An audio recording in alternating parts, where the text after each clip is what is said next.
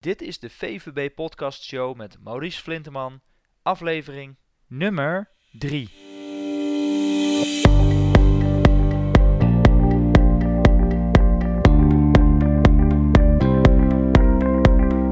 Welkom bij de VVB Podcast Show, waarin je luistert naar experts die je voorzien van de beste informatie, tips en tricks om het rendement op je vermogen te optimaliseren. Vandaag gaan we in gesprek met Martijn Roosemuller. Martijn Roosemuller studeerde af in 1995 aan de Universiteit van Twente. Tijdens een studie technische bedrijfskunde was hij voorzitter van beleggingsstudieclub Duitenberg. In 1995 ging hij werken bij Handelshuis Optiver. En zowel bij Optiver als privé deed Martijn goede ervaringen op met ETF's, ook wel indextrekkers genoemd. Zo ontstond het idee voor Tink ETF's, waarvan Martijn sinds de oprichting in 2008 directeur is. In dit gesprek gaan we in op de valkuilen van doe-het-zelf beleggers. Daarnaast geeft uh, Martijn een aantal belangrijke tips die jou verder gaan helpen om jouw vermogen verder te optimaliseren. Waarom zijn kosten belangrijk? Hoe zou je je vermogen moeten spreiden? En zou je beter actief of passief kunnen beleggen? Ik wens je heel veel luisterplezier. Welkom uh, Martijn Roosemuller. Dankjewel. Goedemorgen. Uh, nou, wat uh, we vandaag gaan, uh, gaan bespreken is het onderwerp de valkuilen van de doe-het-zelf-belegger. Ehm, ja, het wordt natuurlijk steeds makkelijker gemaakt en er zijn meerdere mogelijkheden om, ja, om zelf aan de slag te gaan met je, met je beleggingen. tegenwoordig schaf je met een paar drukken op de knop een online beleggingsrekening aan. En daar zit natuurlijk ook gelijk nou ja, de, de valkuilen. omdat je ja, gemakkelijk eh, eh, ja, tegen wat problemen aanloopt. Um, kun jij daar wat meer over vertellen, Martijn? Uh, ja, zeker. Ik denk dat er um, ja, in ieder geval een aantal, laten we zeggen, positieve ontwikkelingen zijn geweest de afgelopen 10, 15 jaar. Waardoor beleggers steeds eenvoudiger en vooral ook goedkoper uh, kunnen gaan beleggen. Yeah. Um, ja, op zich is dat natuurlijk een, een vooruitgang. Hè. Het, is, het, is, makkelijker en het is goedkoper geworden. Ja, dan zou je denken van nou, wat wil je nog meer?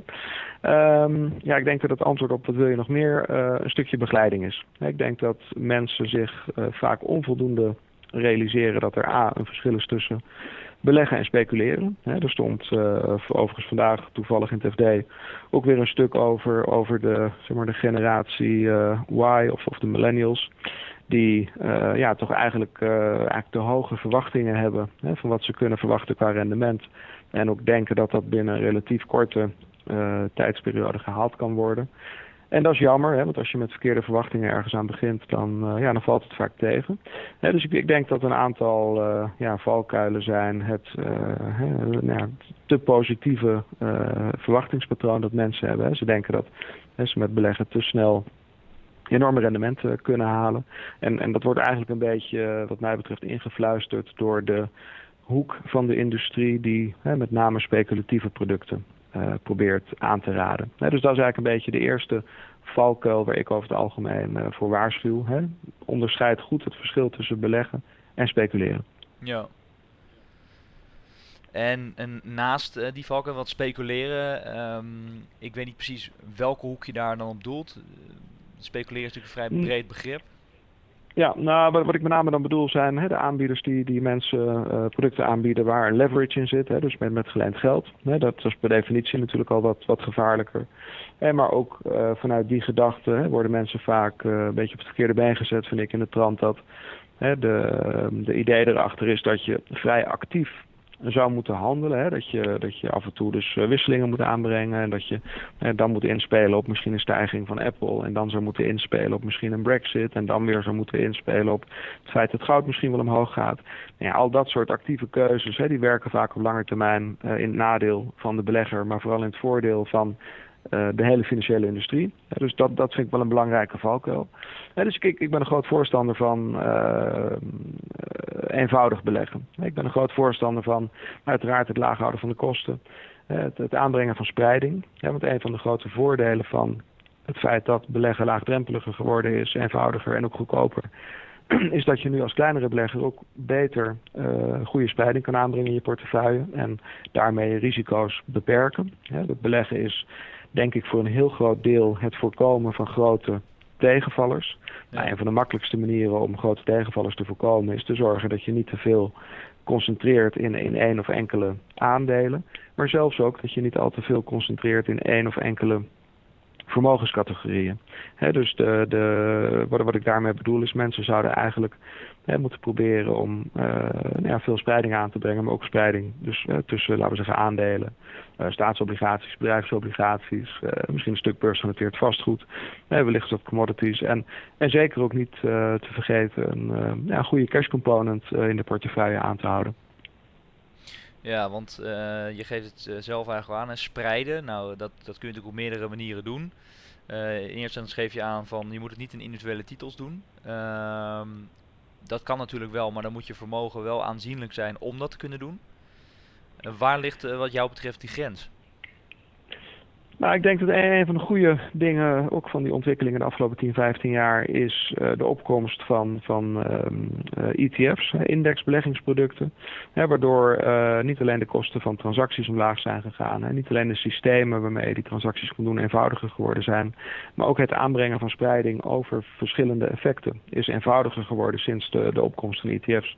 En je kan met, met een ETF die, die wellicht nou ja, 15, 20 basispunten per jaar, dus dat is 0,15 of 0,2% per jaar aan uh, beheervergoeding kost, kan je al heel veel spreiding aanbrengen over vele honderden uh, aandelen of obligaties. En ja, daarmee uh, kun je dus ook als kleine belegger tegenwoordig ja, prima die risico's onder controle houden, waar dat vroeger vaak veel moeilijker was. Omdat die, die ETF's er toen nog niet waren of, of in veel mindere mate. en je dan toch uh, nou ja, eigenlijk genoodzaakt was dan maar een beleggingsfonds te kopen. Dan had je wel wat meer spreiding. Maar dan had je vaak weer het probleem dat je 1, 1,5 of, of, of 2 procent aan kosten per jaar moest betalen voor die spreiding binnen het fonds.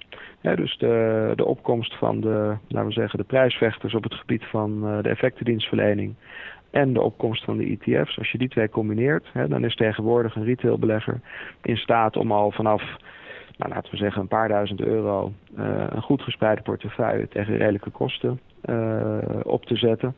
En eventueel zelfs met een paar honderd euro per maand ook kostenefficiënt daar uh, steeds aan toe te voegen. Ja, want je geeft, um, dit is natuurlijk een, een, een belangrijk aspect. Je kunt vanaf een paar honderd euro eigenlijk al beginnen met beleggen. Wat natuurlijk interessant of steeds interessanter wordt omdat de spaarrente op dit moment extreem laag is. Ja. Uh, de andere kant zie je ook alweer dat er wat, uh, wat nadelen aan vastkleven als ik in de praktijk kijk. Hè. Want wat stel iemand komt bij en die heeft een bepaalde doelstelling. Nou, je gaf het net al aan. Uh, dan kijk je bijvoorbeeld naar een brexit. Hè, naar een, een, aspect wat op, op korte termijn speelt. Waar beleggers dan vaak onrustig van worden. En je hebt natuurlijk als je gaat beleggen voor de lange termijn. Heb je ook echt een systeem nodig. Een bepaalde structuur die je aanbrengt. Um, hoe, hoe zou je dat het best kunnen inrichten? stel dat je als doe-het-zelf belegger aan de slag gaat. Want ja, en je kunt een beleggingsrekening openen, maar daarmee ben je natuurlijk nog niet. Je kunt wat ETF's aankopen, eh, wereldwijd gespreid. Uh, hoe, zie jij dat precies? Nou, ik denk als je overweegt te gaan beleggen, uh, dat het heel belangrijk is dat je een, een, goed plan opstelt. Met, een, met een plan bedoel ik in dit geval zowel qua verdeling, de asset mix eigenlijk, dus hoeveel wil ik een aandelen, hoeveel wil ik een obligaties, en, en, en ja, dat, dat kan je weer afleiden uit hoeveel risico wil je nemen. Waarbij een vuistregel is hoe meer aandelen, hoe meer risico in de portefeuille.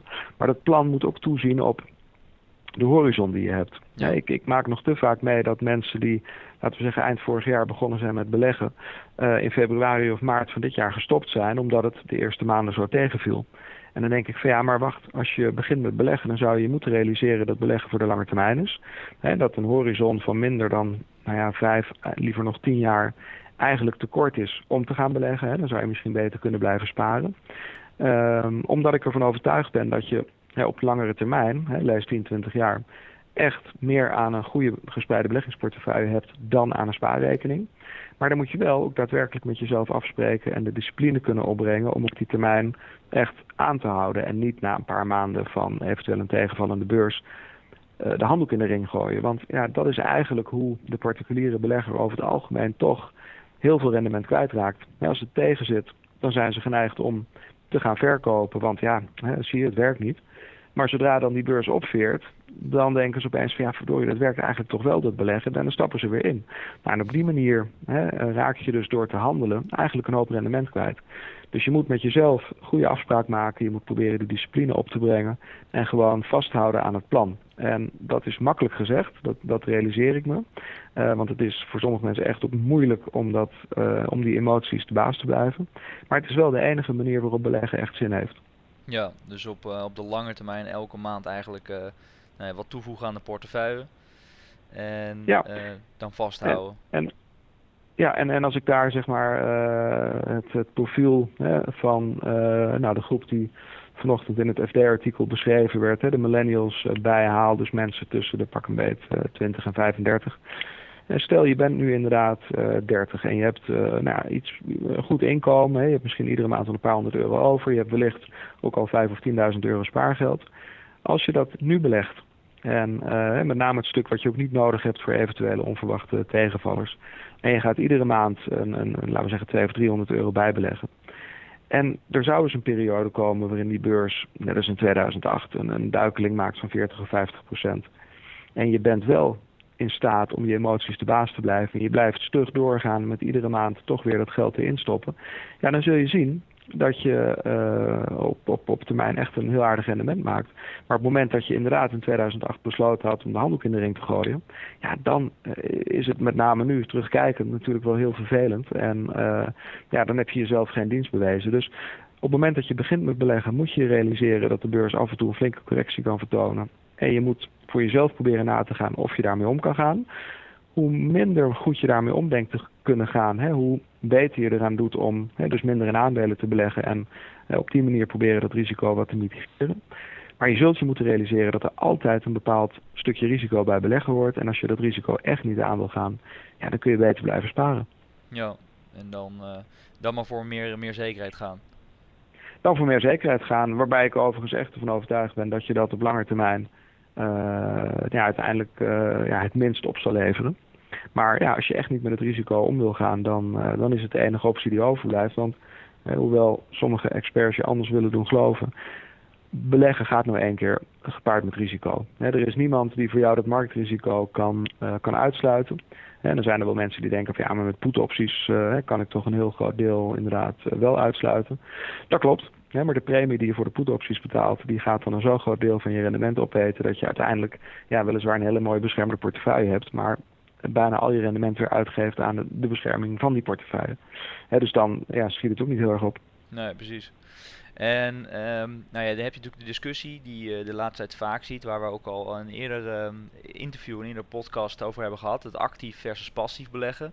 En met het actief beleggen bedoel ik dan een, een uh, belegger die heel veel actieve keuzes maakt. Hè? Dus wat je zegt, nou brexit, uh, komt het wel, komt het niet. Moet ik daarop handelen? Moet ik nu helemaal uitstappen met mijn beleggingen of, of juist blijven zitten? Um, jouw voorkeur heeft dus echt het passieve beleggen als ik, als ik je zo beluister. Ja, dat klopt. En, en eigenlijk zelfs op twee niveaus. Ik denk dat de discussie actief-passief, als het gaat om beheer van beleggingsfondsen, ja, dat die discussie inmiddels redelijk um, nou ja, uh, uitgesproken is. Ik denk dat, uh, dat er nog maar weinig mensen zijn die, die denken dat je met actief beheer binnen een fonds echt op lange termijn de markt uh, gaat verslaan. Nou ja, academisch onderzoek toont op keer op keer aan dat dat niet het geval is. Hè, dat je beter kan kiezen voor gewoon een goede spreiding, kosten laag houden en hè, dat je dan het dichtst bij de index blijft, dichtst bij de markt en dat dat op lange termijn het beste werkt. Um, wat tot op heden nog wat minder aandacht heeft gekregen is hoe je daar vervolgens dan met dat soort producten omgaat binnen een portefeuille. En ik ben ervan overtuigd dat binnen die portefeuille eigenlijk hetzelfde geldt. Op het moment dat je maar met een aantal producten voldoende spreiding aanbrengt, en uh, je aan je plan houdt en, en laten we zeggen één keer per jaar weliswaar een herweging doet. Maar niet iedere maand probeert in te spelen op nieuwe ontwikkelingen. Dat je dan op lange termijn het beste resultaat haalt. Dus ik zou zeggen, uh, kies een aantal goede, gespreide, uh, passieve producten, ETF's. Kies voor jezelf een goede asset mix, hè, dus de verdeling binnen de portefeuille over aandelen, obligaties, vastgoed, een stuk cash. En probeer dan die verdeling uh, ieder jaar, misschien twee keer per jaar, maar ik zou ook echt niet vaker gaan dan dat, uh, te herwegen. dus kijk periodiek, iedere zes of twaalf maanden, naar het percentage dat je belegd bent in aandelen. Nou, als dat meer is dan je eigenlijk zou willen, of hè, meer is dan je eigenlijk met jezelf afgesproken had, dan bouw je daar op het herbergmoment een stukje aandelen af. En dat, dat zet je dan vervolgens in de categorie cash obligaties. En op het moment dat je ziet dat het minder is, hè, dus aandelenmarkten zouden gedaald zijn, dan kan je dus uit het stukje cash en obligaties wat vrijmaken en wat in aandelen stoppen. Nou, als je dat nou jaar in jaar uit doet, ben ik ervan overtuigd dat je op, op langere termijn het beste rendement haalt. Omdat op het moment dat je actief probeert in te spelen op wat er in de markt gebeurt, ja, dan zul je toch vroeg of laat uh, of een keer een, een, een rally missen. Hè. Stel, uh, iemand had ingespeeld nu op, uh, op Brexit. En stel dat donderdag blijkt dat Engeland toch zou blijven. Ik bedoel, ja, ik heb geen kristallenbol, dus ik weet niet wat er gaat gebeuren. Maar nee. ik weet wel dat hè, de, het, het ja-nee-kamp is nou ja, ergens in de buurt van de 50-50. Dus dat betekent dat de helft zou misschien dan kiezen om voorlopig te liquideren en uh, pas weer in te stappen na een brexit. De andere helft doet het omgekeerde. Nou, een van die twee groepen zit in ieder geval fout, vrijdag. Ja. En uh, welke groep dat is, weten we nu nog niet. Hè? Maar uh, ik denk dat je op lange termijn in dit soort gevallen beter kan blijven zitten, omdat je niet in ik weet nog niet wat de volgende situatie gaat worden na Brexit. Maar goed, er komt vast wel weer iets over een paar maanden. Stel je zou nu de Brexit goed voorspellen. Dan moet je ook die volgende situatie goed gaan voorspellen. En degene daarna en degene daarna. Nou, de kans dat je het iedere keer goed doet is heel klein. dus je kan veel beter als je hebt besloten te gaan beleggen. In ieder geval met je asset mix daarop inspelen. met de herweging daarop inspelen. Want vergeet niet, stel je blijft belegd. En er komt inderdaad een brexit. En stel de aandelenmarkten gaan omlaag. Nou ja, dat betekent in ieder geval dat op je volgende herweegmoment je waarschijnlijk wat aandelen gaat bijkopen. En stel dat dan de volgende uh, big event uh, wel goed afloopt. Hè, en, en dan gaan de beurzen uh, opeens omhoog in plaats van omlaag. Nou, ja, dan moet je op dat volgende herweegmoment wellicht weer wat afbouwen, lees, wat winst nemen. Dus ik, ik denk nog steeds dat hè, consistent uh, je, je, nou, zeg maar je, je strategie volgen, dat geeft op lange termijn het beste resultaat. Ja, precies. Um, dan is natuurlijk het, het, volgende punt waar, een belegger dan natuurlijk ook tegenaan loopt. Hè? Want dit is altijd de discussie van, nou ga je het zelf doen, kun je het beter zelf doen of ga je het uitbesteden aan adviseur. Hè? De, de adviseurs uh, slash vermogensbeheerders hebben uh, de afgelopen jaren natuurlijk niet de beste naam, de beste reputatie opgebouwd.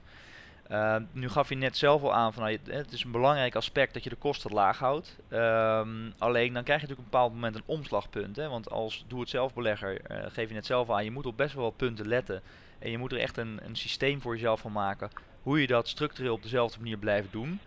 Um, waar ligt wat jou betreft het omslagpunt wat dan zeg maar een professionele belegger, hè, de, de, voordelen van een professionele belegger, dat die zaken allemaal voor je uit handen neemt.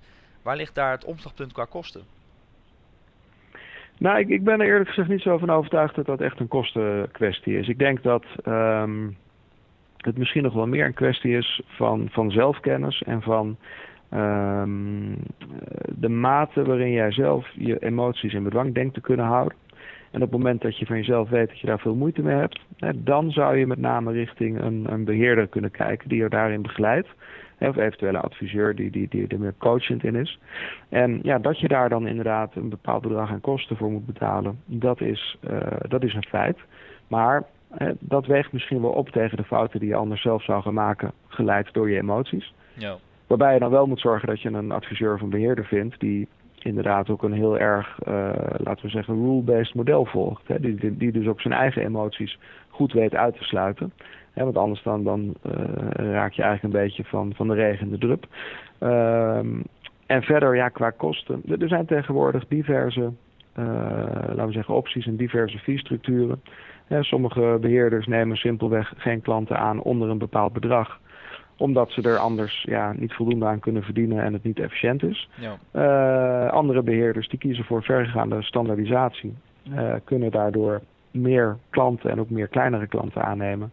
dus daar speelt dat probleem een beetje minder.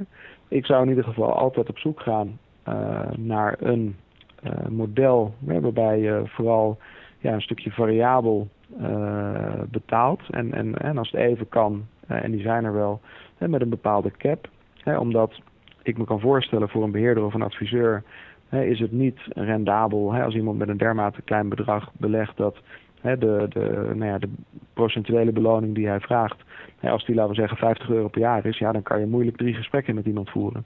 Ja. dus de, dat er een bepaalde ondergrens is, begrijp ik heel goed. Tegelijkertijd zou er dan ook een bepaalde bovengrens moeten zijn. Want of iemand nu met, laten we zeggen, 50.000 euro of met 5 miljoen belegt. Ja, op het moment dat je twee of drie gesprekken per jaar wil hebben met zo iemand. ja, dan zou je als je alleen maar procentueel beloont en niet een cap aanbrengt, ja, dan zou je in het ene geval uh, toch veel meer verdienen dan in het andere geval. En dat, dat is misschien ook niet uh, realistisch. Dus ja, er zit een bepaalde trade-off. Maar ik denk dat met een beetje speurwerk er tegenwoordig nou, echt best hele aardige prijskwaliteit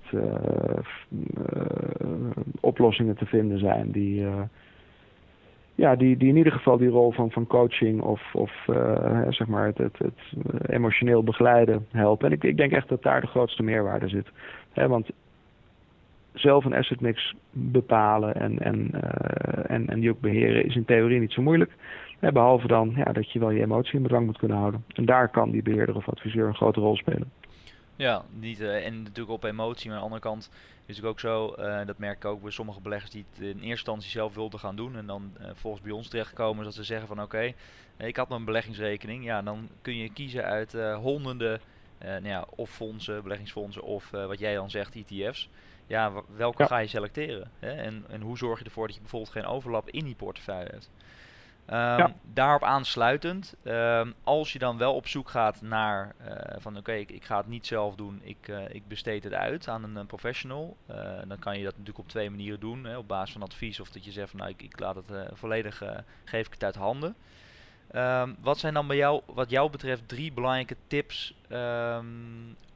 voor het zoeken naar zo'n partij? Hoe zou je dat zelf ik denk het belangrijkste, het, het, het, belangrijkste is denk ik hè, uh, dat je in ieder geval met de partijen uh, waarmee je dan overweegt in zee te gaan, gewoon echt even goed gesprek hebt. Hè, want um, wat ik net ook zei, ik ben ervan overtuigd dat die, het, stukje coaching, hè, het, begeleiden en, en zorgen dat er niet uh, door emoties verkeerde beslissingen worden, worden genomen, dat, dat dat het belangrijkste is. En dat betekent dus dat je bij een partij terecht moet komen waarbij je ook echt het gevoel hebt hè, dat er een klik is. Het gevoel dat je, dat je zo iemand goed kan vertrouwen en uh, ja, dat, dat, dat, dat het gewoon aansluit, uh, zeg maar. Ik denk dat dat heel belangrijk is. Uh, ja, daarnaast uiteraard de prijs. Ik denk dat uh, er uiteraard een, een meerwaarde zit in als je als belegger goed begeleid wordt. En dat daar dus ook een, een, een tarief bij hoort. Maar ik denk dat het belangrijk is dat dat tarief redelijk is. En, en met name dat dat voor jouzelf als belegger goed voelt dat je een beetje probeert na te denken over, oké, hoeveel uren per jaar zal ik uh, deze beheerder of adviseur gaan spreken? Nou, wat, uh, als ik zijn tariefstructuur volg, zou ik daarvoor moeten gaan betalen? En vind ik dat dan een redelijk uurtarief?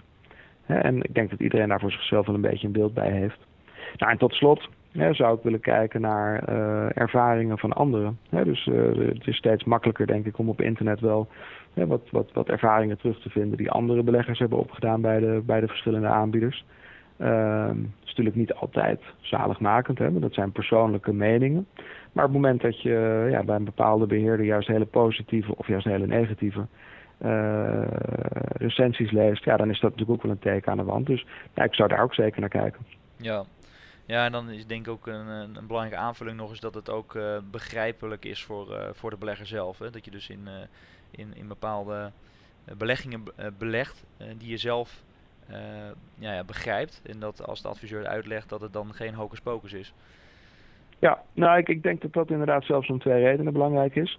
Ten eerste als de adviseur of beheerder niet kan uitleggen waar die in belegt uh, ja, dan, dan zou ik argwanend worden. Want dan ja, is hij of niet zo goed in zijn vak. Hè, want je snapt iets pas echt goed als je het goed kan uitleggen. Uh, of hij wil niet uitleggen waar hij precies in belegt. Nou, dat lijkt me niet zo'n goed teken. Uh, dus ik denk inderdaad, inderdaad dat dat belangrijk is. Maar ook om de volgende reden. Namelijk dat als hij het goed kan uitleggen. Ehm, dan zijn het waarschijnlijk ook de wat meer eenvoudige producten die hij gebruikt. En ehm, er zijn heel veel uh, dienstverleningen en producten waarbij geldt dat Hè, um, iets wat uh, duur is, vaak beter is. En uh, bij beleggen is het vaak omgekeerd. Hè. De eenvoudige, goedkope producten, hè, die doen het op termijn vaak het best. En die zijn vaak ook het minst complex. Hè, dus als jouw beheerder of adviseur gebruik maakt van eenvoudige, goedkope, transparante producten die hij goed kan uitleggen, dan is dat een voordeel. Op het moment dat hij gebruik maakt van toch wat ingewikkelde, complexe, structured uh, oplossingen die vaak ook wat duurder zijn. Ja, dan vind ik dat ook over het algemeen een, ja, toch een beetje een negatieve associatie. Ik denk dat over het algemeen eenvoud en lage kosten op lange termijn het beste werkt. En zodra het complex en duur wordt qua producten, dan moet je ook wel een beetje argwanend worden. Ja, precies. Dus nou, ik denk dat dat inderdaad een goede aanvulling is. Uh, zodat mensen daarin uh, in ieder geval uh, goed op zoek kunnen. moet ik wel zeggen dat op dit moment er online bijvoorbeeld niet heel veel ervaringen te vinden zijn. van bestaande klanten van vermogensbeheerders. En ja, als je een vermogensbeheerder zelf natuurlijk vraagt van heb je, een, heb je twee, drie recensies van klanten, dan nemen ze natuurlijk de beste uit het klantenbestand. Dus de vraag is of je daar dan ook wel wat aan hebt. Ik weet hoe jij dat ziet. Nee, ik, daar, daar heb je gelijk in inderdaad. En, en zeker die, die, dat laatste voorbeeld, daar zou ik niet al te veel op willen varen. Um, en, en het probleem is natuurlijk een beetje dat de generatie die nu klant is bij die vermogensbeheerders over het algemeen niet de generatie is die heel actief is op allerlei fora. He, dat is vaak meer de jongere groep. Ja. Maar ik denk, he, er is wel iets te vinden en ik denk inderdaad de komende jaren zal dat steeds makkelijker worden. Omdat naarmate er meer uh, nou ja, mensen van de van de huidige generatie ervaringen gaan opdoen bij vermogensbeheerders en adviseurs, ja, die zullen dat wat meer gaan delen op internet. En dan wordt het voor de volgende groep weer nou, makkelijker om daar een uh, objectief uh, beeld bij te krijgen. Ja, precies. Hey Martijn, jij bent natuurlijk al een hele tijd al, uh, ja, ben jij in deze sector actief? Ja, inmiddels wel.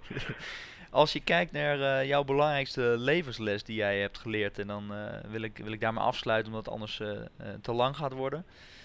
wat is nou de belangrijkste levensles die jij in jouw werkzame leven ja, hebt gekregen, die jouw wereld volledig op zijn kop zetten?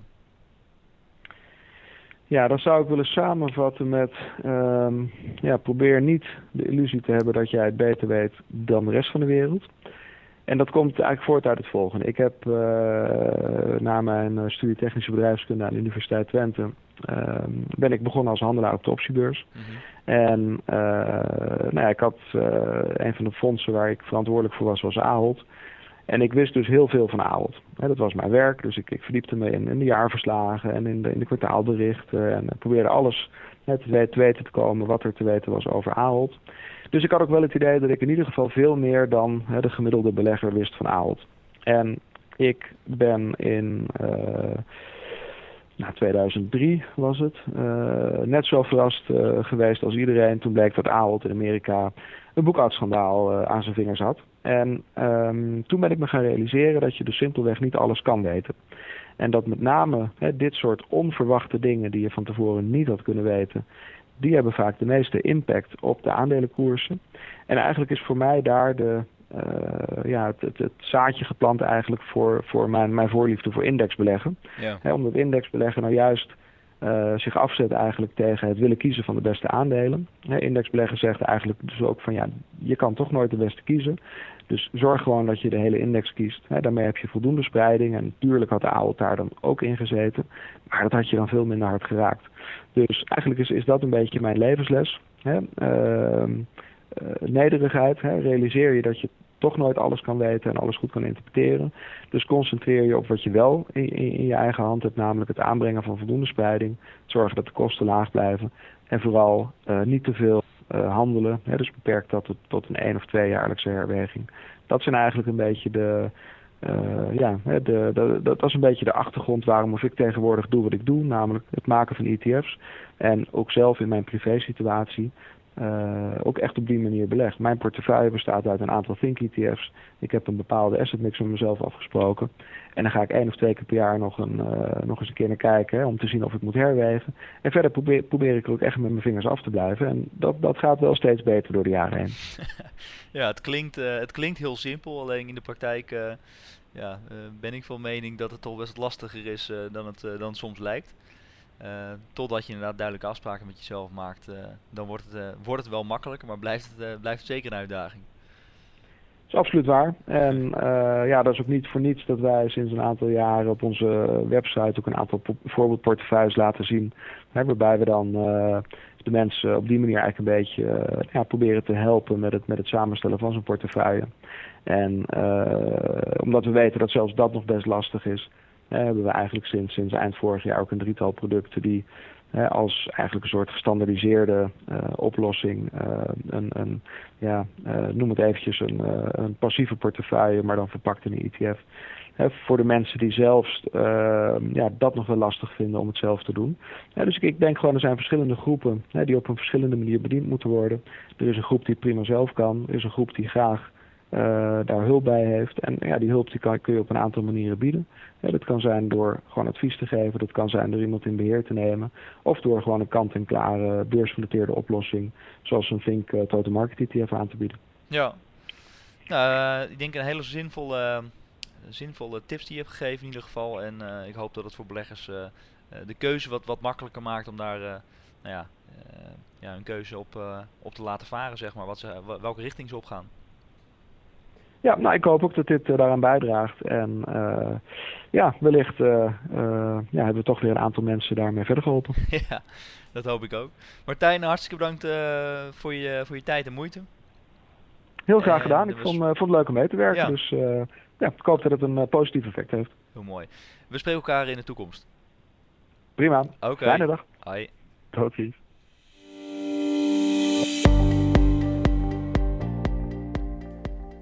Bedankt voor het luisteren naar onze podcast over de valkuilen van het doe-het-zelf belegger. Mocht je tegen problemen aanlopen met beleggen of de keuze uh, voor een vermogensbeheerder of doe-het-zelf beleggen, ga dan naar vuvb.nl slash beleggen. Ik herhaal vuvb.nl slash beleggen. Aan de hand daarvan nemen we telefonisch contact met je op en gaan we kijken wat de mogelijkheden zijn. Tot de volgende keer.